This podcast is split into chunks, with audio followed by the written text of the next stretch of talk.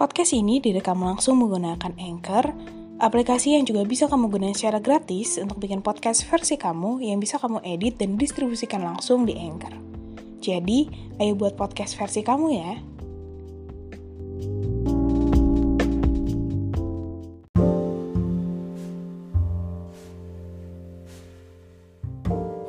Hai, selamat datang podcast Belajar Menjadi Dewasa bersama gue Nathan. Kita nikmatin prosesnya ya.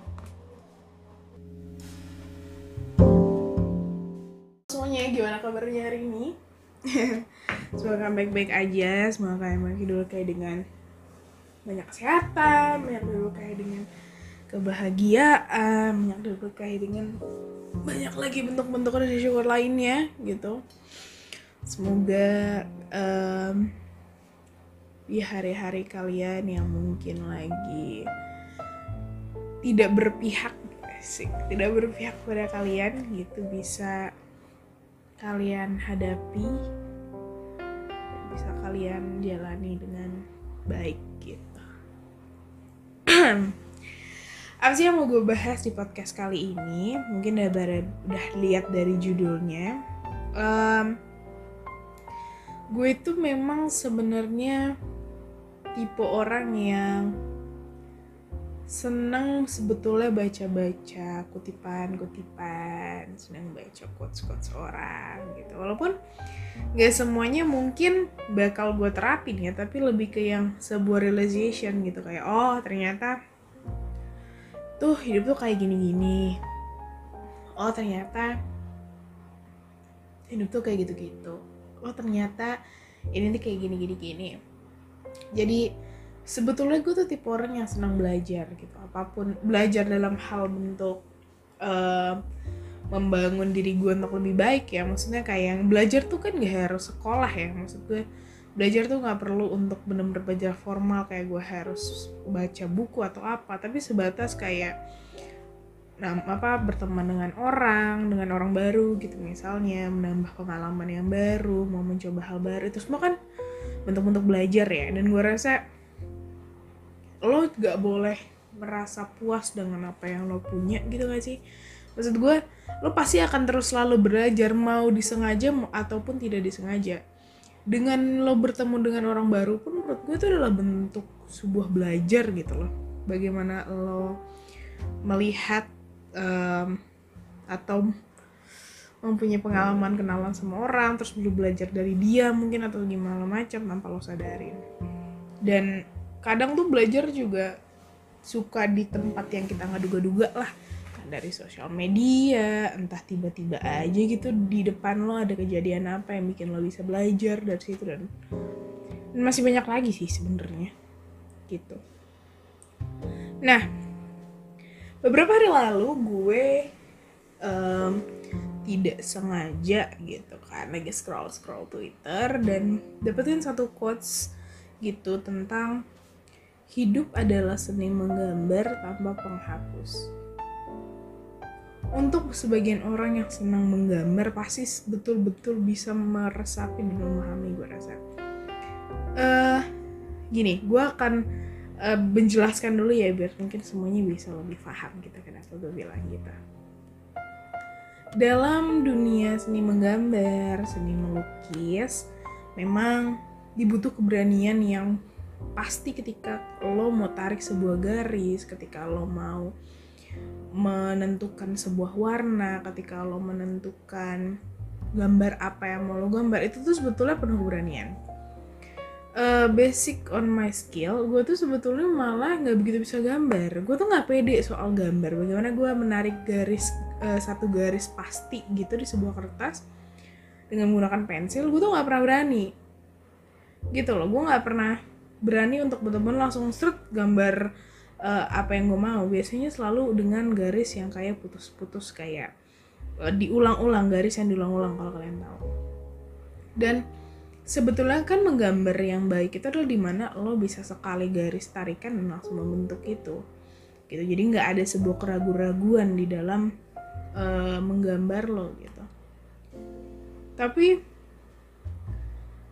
gue tuh sulit untuk akan hal itu. Tapi ketika lo nyuruh gue untuk memilih warna apa yang mau gue pilih untuk di lukisan gue untuk di atas kanvas ini kanvas di depan mata gue ini mungkin gue akan jauh lebih berani dari siapa pun mungkin. Dan mungkin banyak orang juga yang nggak akan bisa seberani gue dan begitu pun sebaliknya. Gitu loh. Gue nggak seberani orang yang bisa gambar kayak gitu. Jadi ketika gue dapat quotes itu tuh gue mendapatkan sebuah kesadaran bahwa memang apa yang kita pilih selama kita hidup gitu ya selama perjalanan kita hidup itu tuh kayak ngegambar di atas penghapus eh, menggambar di atas kertas tanpa sebuah penghapus gitu. Di mana memang ketika itu sudah terjadi kan nggak mungkin bisa kita balikin lagi kan. Nggak bisa tuh namanya ada um, tombol undo di itu nggak ada. Gitu loh jadi ketika gue benar-benar melihat coach itu gue tuh langsung sadar ternyata apa yang gue lakuin selama ini adalah sebuah bentuk keberanian yang gue punya gitu karena selama ini gue selalu berpikir kayaknya gue pengecut deh untuk ngelakuin untuk hal ini gue takut. Untuk ngelakuin hal ini gue takut. Untuk ngelakuin hal itu gue takut. Tapi ketika gue mendapatkan sebuah cuman se sebaris kalimat itu deh gitu ya. Dan gue tuh mendapatkan betul-betul realization yang besar kayak ternyata hidup tuh kayak seni coy. Kayak seni lu kayak seni gitu.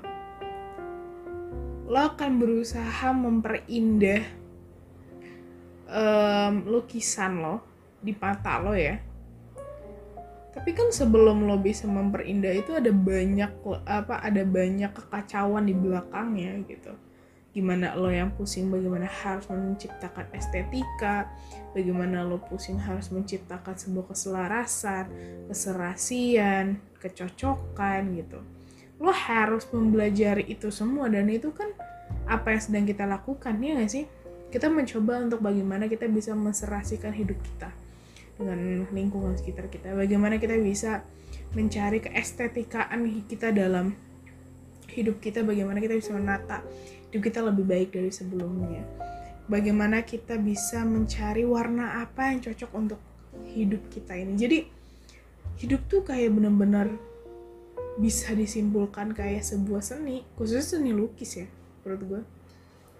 Kayak lukisan itu ketika cat udah di atas kanvas, sulit untuk dihapus.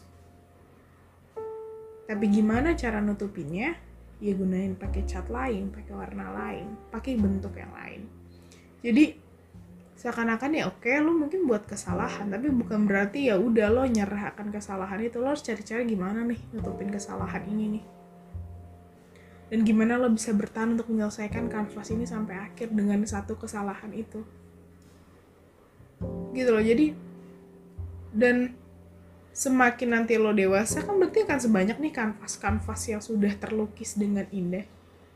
Akan terlihat bagaimana dari dulunya mungkin lo punya banyak kesalahan lo punya banyak problematika sehingga kanvas itu mungkin gak seindah kanvas lo yang sekarang ini nih.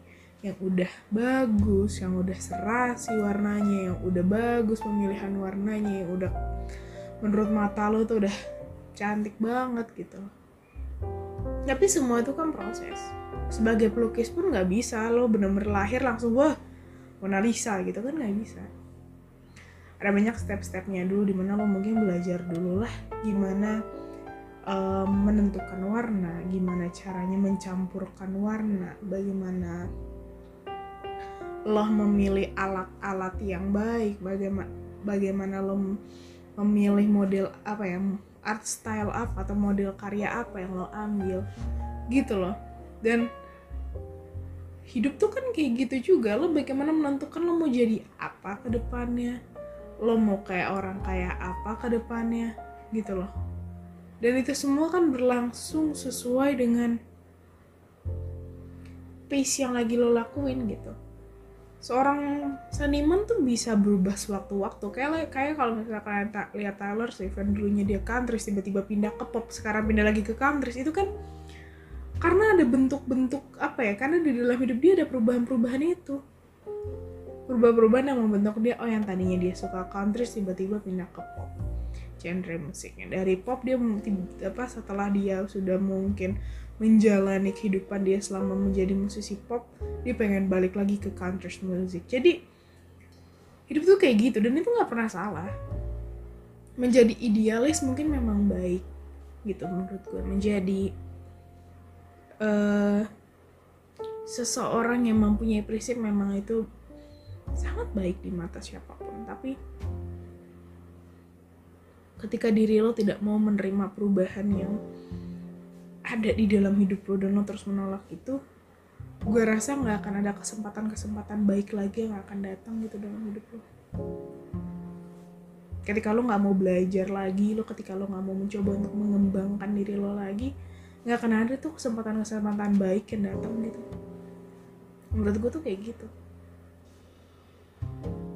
Hidup tuh nggak melulu soal gimana lo harus sukses gimana lo harus bahagia tapi menurut gue ya sejauh yang gue percaya dan sejauh apa yang gue amati gitu kan gue uh, sangat sangat menjunjung tinggi apa yang sudah gue uh, alami atau apa yang sudah gue lewatkan gitu dalam hidup. Gue gue rasa ya pengalaman kalau dulu gue mungkin masih nggak merasa ya bagaimana pengalaman bisa menjadi guru yang baik buat gue.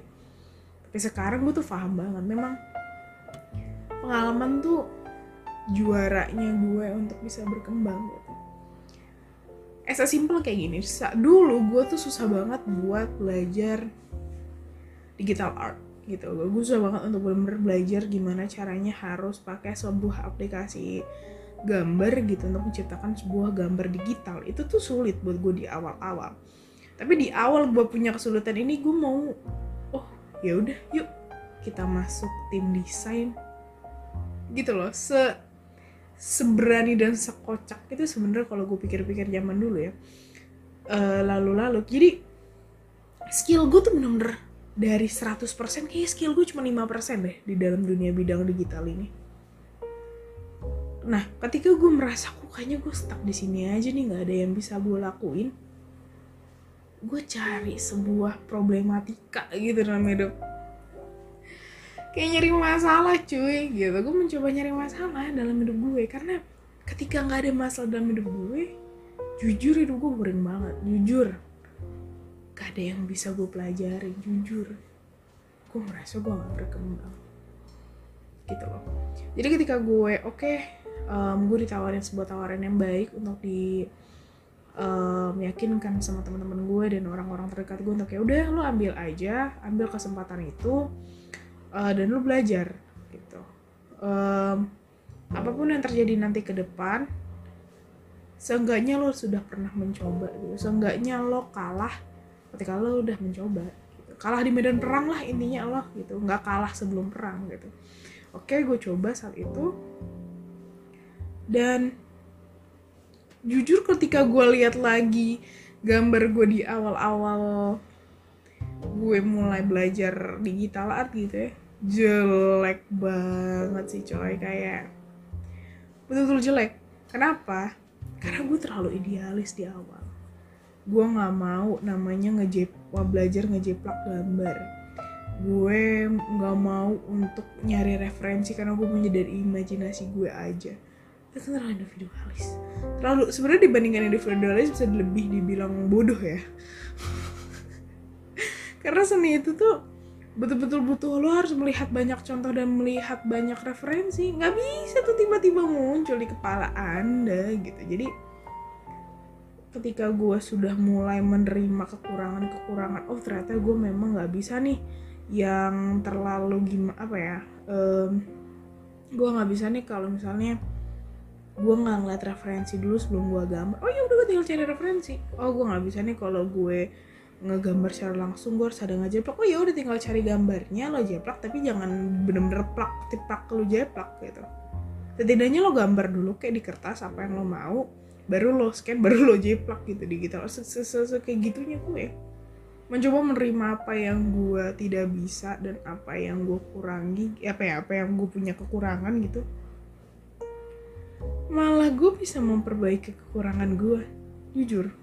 Jujur banget gue ini dan uh, sekarang gue jauh lebih ya gak dibilang jauh-jauh amat tapi setidaknya jauh lebih baik gitu dari sebelumnya walaupun memang banyak banget sih struggle-nya, pusingnya, pengen muntahnya gitu ya. Cuman dari semua itu prosesnya sangat menyenangkan sih buat gue gitu. Proses belajar tuh menurut gue di pertengahannya tuh pengen bikin muntah ya cuman ketika udah lihat diri lo yang sekarang dengan diri lo yang sebelumnya akan ada tuh rasa kepuasan yang muncul gitu kayak ah, gila gue dulu kayak gini ya dulu gue kayak gitu. Jadi kepuasan itu yang selalu gue pengen rasain lagi gitu loh. Kayak gue podcast ini. Ketika gue denger podcast pertama gue prolog episode prolog gue masih ingat banget sampai sekarang dan gue bandingin lagi suara gue yang sekarang. Jauh banget ya gak sih? Kalian boleh deh mungkin cek-cek lagi ya um, podcast-podcast gue sebelumnya. Itu tuh bener-bener menggambarkan perkembangan gue gitu dari gue yang tadinya malu-malu untuk ngomong. Bener-bener dulu suara gue tuh kayak kayak, kayak jadi semuanya ya. jadi kisah kecil itu. Karena gue nggak menemukan belum menemukan apa ya titik di mana oh gue percaya diri dengan apa yang gue lakuin. Padahal saat itu harusnya kan ya buat apa juga gue malu toh saat itu belum ada yang denger. Toh saat itu gue juga nggak ngasih tau ke siapa-siapa jadi harus gue pede-pede aja kan tapi itu lucunya belajar gitu loh. Di awal takut banget tapi ketika lo udah menjalankan kok kayak enjoy ya kok kayaknya ada yang ini walaupun mungkin di tengah-tengah kayak yang gak bisa bohong juga ketika gue di tengah-tengah melakukan podcast ini ada di masa-masa di mana gue apa gue udahin aja ya podcast ini gitu. Terus gue bikin podcast lain apa gue udah ini tapi yang bikin gue sampai sekarang masih mau untuk melanjutkan ini karena gue masih mau nih belajar nih gimana caranya gue menemukan ide-ide untuk selanjutnya podcast gue gimana gue bisa mengembangkan lebih jauh lagi podcast ini kayak gitu loh. Hidup tuh kayak gitu menurut gue hidup tuh sama kayak belajar. Ketika lo hidup lo udah gak ada belajar gue rasa lo bukan lagi hidup gitu tapi lo mati. Belajar tuh gak sesempit itu kok maknanya. Luas banget dari yang pernah kita pikirin dan itu yang bikin gue sampai sekarang ngerasa wah ternyata apa yang gue lakuin yang udah sampai gue pengen nangis gue udah sampai pengen menyerah sampai gue udah kayak pengen mengangkat bendera putih dan melambaikan tangan ke ujung eh ke ujung atas plafon yang ada kameranya lambaikan tangan ke kamera. Tapi ternyata gue masih bisa bertahan gitu sampai saat ini. Mungkin ada mungkin kalian akan menangkap apa yang ngomongnya adalah ya udah lo jangan pernah menghindari sebuah masalah atau gimana. Tapi itu ada bener ya cuman gak selamanya menghindari sesuatu tuh satu hal yang salah menurut gue ada beberapa kali memang lebih baik gue menghindari apa yang pengen gue pelajari karena gue ngerasa kayaknya itu bukan kuasa gue. Deh kayaknya itu bukan waktu yang tepat. Ya jadi hmm, apa yang gue coba pengen sampaikan ke kalian sih sebatas terima apa yang lo punya pelajari apa yang menurut lo baik udah sebatas kayak gitu. Menerima mempelajari itu semua tuh sebenarnya kayak seni juga. Ada seninya semua itu gimana lo bisa menerima bahwa memang mungkin kemampuan lo tidak selebih orang lain. Ternyata belajar yang udah lo lakuin sekeras itu ternyata nggak imbang sama orang yang belajar cuma sedikit tapi jauh di depan lo. Lo kan menerima dan belajar ketika ternyata memang lo sadar ke ternyata apa yang lo lakuin tuh nggak mungkin lah satu hal yang sia-sia gitu. Maupun nanti hasilnya di ujung zong gitu ya jadi kayak zong bener-bener nol bulat bundar setidaknya pasti ada sebuah hal yang baik yang bisa lo pelajarin sih gitu menurut gue. Hmm, dan gue akan terus melakukan dan akan terus mengingatkan pada diri gue sendiri bahwa apa yang sudah gue lalui perlu memang patut gue banggakan jadi ketika mungkin ada orang muji gue kayak "Ih, gila ya lo keren banget lo bisa gambarin gue akan bilang thank you banget emang ini hasil kerja keras gue. Gue bukan yang kayak enggak lah ada yang lebih hebat. Enggak. Gue bener-bener menerima itu karena gue rasa gue patut gitu loh. Gue gak tahu ya ini kepedean atau egois atau gimana cuman gue merasa diri gue patut kok untuk dipuji orang. Gue rasa gue pantas kok untuk orang hmm, men- apa ya menepukkan tangan mereka gitu kayak tepuk tangan terhadap gue gitu. Gue rasa gue patut untuk semua kerja keras yang pernah gue lakuin jadi kayak gitu. Gue rasa kanvas-kanvas yang banyak yang sudah gue pakai dan ketika satu kanvas di appreciate semua orang gue rasa gue patut deh untuk dapetin hal itu dan gue patut menerima audiens yang besar jadi memang kayak gitu itu juga sebuah seni menerima lo menerima pujian orang. Kayak jangan ketika ada orang muji lo cantik terus kayak iya lo yang lebih cantik. Gitu. Nggak nggak nggak- langsung kayak gitu. Tapi kasih banget lo gue udah dibilang cantik. Tapi lu juga kok gitu kita semua cantik kayak gitu boleh. Tapi kalau ah, lo cantik lo cantik. Ah enggak lo cantik. Terus kayak gitu kayak jujur gue sebenernya kayak hmm, orang ini kayaknya malah aneh. Gue lebih seneng orang eh, kepedean. Kayak eh gila lo cantik banget. Iya kan gue cantik banget gue ini ini gue malah seneng kayak gitu karena jatuhnya kayak lebih orang ini mau menerima apa yang dia punya dan menerima pujian gue tuh rasanya lebih enak dibandingkan dia harus menolak dan kayak sosok hmm, gitu. Jadi emang apa yang gue lakuin sampai sekarang adalah terus nyoba untuk cari-cari gimana gue harus terus belajar gitu. Masih banyak nih bucket list bucket list gue untuk yang pengen gue pelajarin. Eh gue tuh pengen banget belajar jahit cuy. Pengen banget. Gue pengen mm, jadi penyiar. Gue pengen banget. Penyiar radio gitu ya. Gue pengen banget em, bisa belajar cara bikin keramik. Gue pengen banget belajar gimana caranya menjadi seorang kuret apa curator gue pengen banget belajar gimana menulis sebuah buku dan masih banyak lagi. Gue pengen banget belajar. Gitu. Gue masih banyak banget bucket list yang pengen gue pelajarin gitu yang ada di dunia ini. Selagi umur gue masih panjang dan dikasih umur yang panjang sama Tuhan gue rasa gue akan selalu terus mau belajar sih. Karena ketika gue diem doang rasanya gue sedih sama diri gue sendiri karena nggak ada yang bisa berkembang kayak gue orangnya juga terlalu ambisius deh jatuh. Cuman sih gue harap ya kalian tidak apa ya namanya tidak menolak momen untuk belajar sih. Maksudnya menolak momen kayak eh, tapi kalian harus tahu ya kapan momentum kalian memang harus memilih pilihan itu gitu. Kalian harus pinter-pinter sih. Kayak misalnya kalian memang udah ker- lagi kerja nih mungkin di sebuah perusahaan korporat gitu ya kan. Lagi enak-enaknya banget gitu. Terus kan diajakin ke sebuah startup.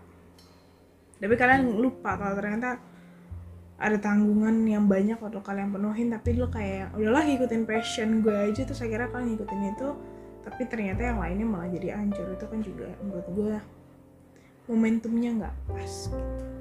goalnya tuh nggak pas. Jadi memang harus perlu tahu kapan nih momentumnya entah lo ya udah ntar deh tapi tunggu mungkin eh kewajiban-kewajiban gue terpenuhi dulu baru apa yang gue mau. Sama sih kayak anak-anak yang misalnya orang tuanya sangat menginginkan dia masuk akuntansi deh gitu. Ya udah lo mungkin ya udah lo senengin dulu deh orang tua lo sampai lo masuk akuntansi.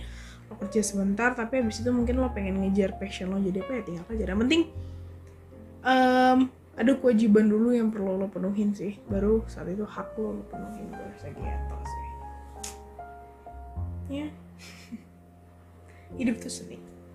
Seni bagaimana lo menjaga keserasian keselarasan dan keharmonisan dalam hidup lo. Ya gitu deh so ya this is dinner podcast. Semoga kalian senang sama podcastnya gitu ya. Semoga ada banyak hal yang bisa kalian mm, mungkin diskusi ini kapan-kapan sama teman kalian. Biar ada bahan sama-sama saling mau belajar lagi. Dan semoga apa yang gue sampaikan mungkin bisa jadi teman curhat kalian bisa jadi teman buat kalian semoga juga um, kalian sehat-sehat terus karena katanya memang sedang lagi tinggi tinggi lagi kasus Omikron khususnya di DKI Jakarta. Dan semoga kalian tetap sehat terus ya kayak gue.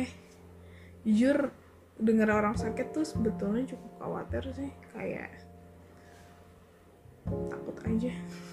Kayak gitu. Semoga kalian sehat-sehat terus sih kalau kalian ada saran ada kritik ada curhatan mungkin boleh banget DM ke Instagram belajar menjadi dewasa underscore gue lupa lagi username-nya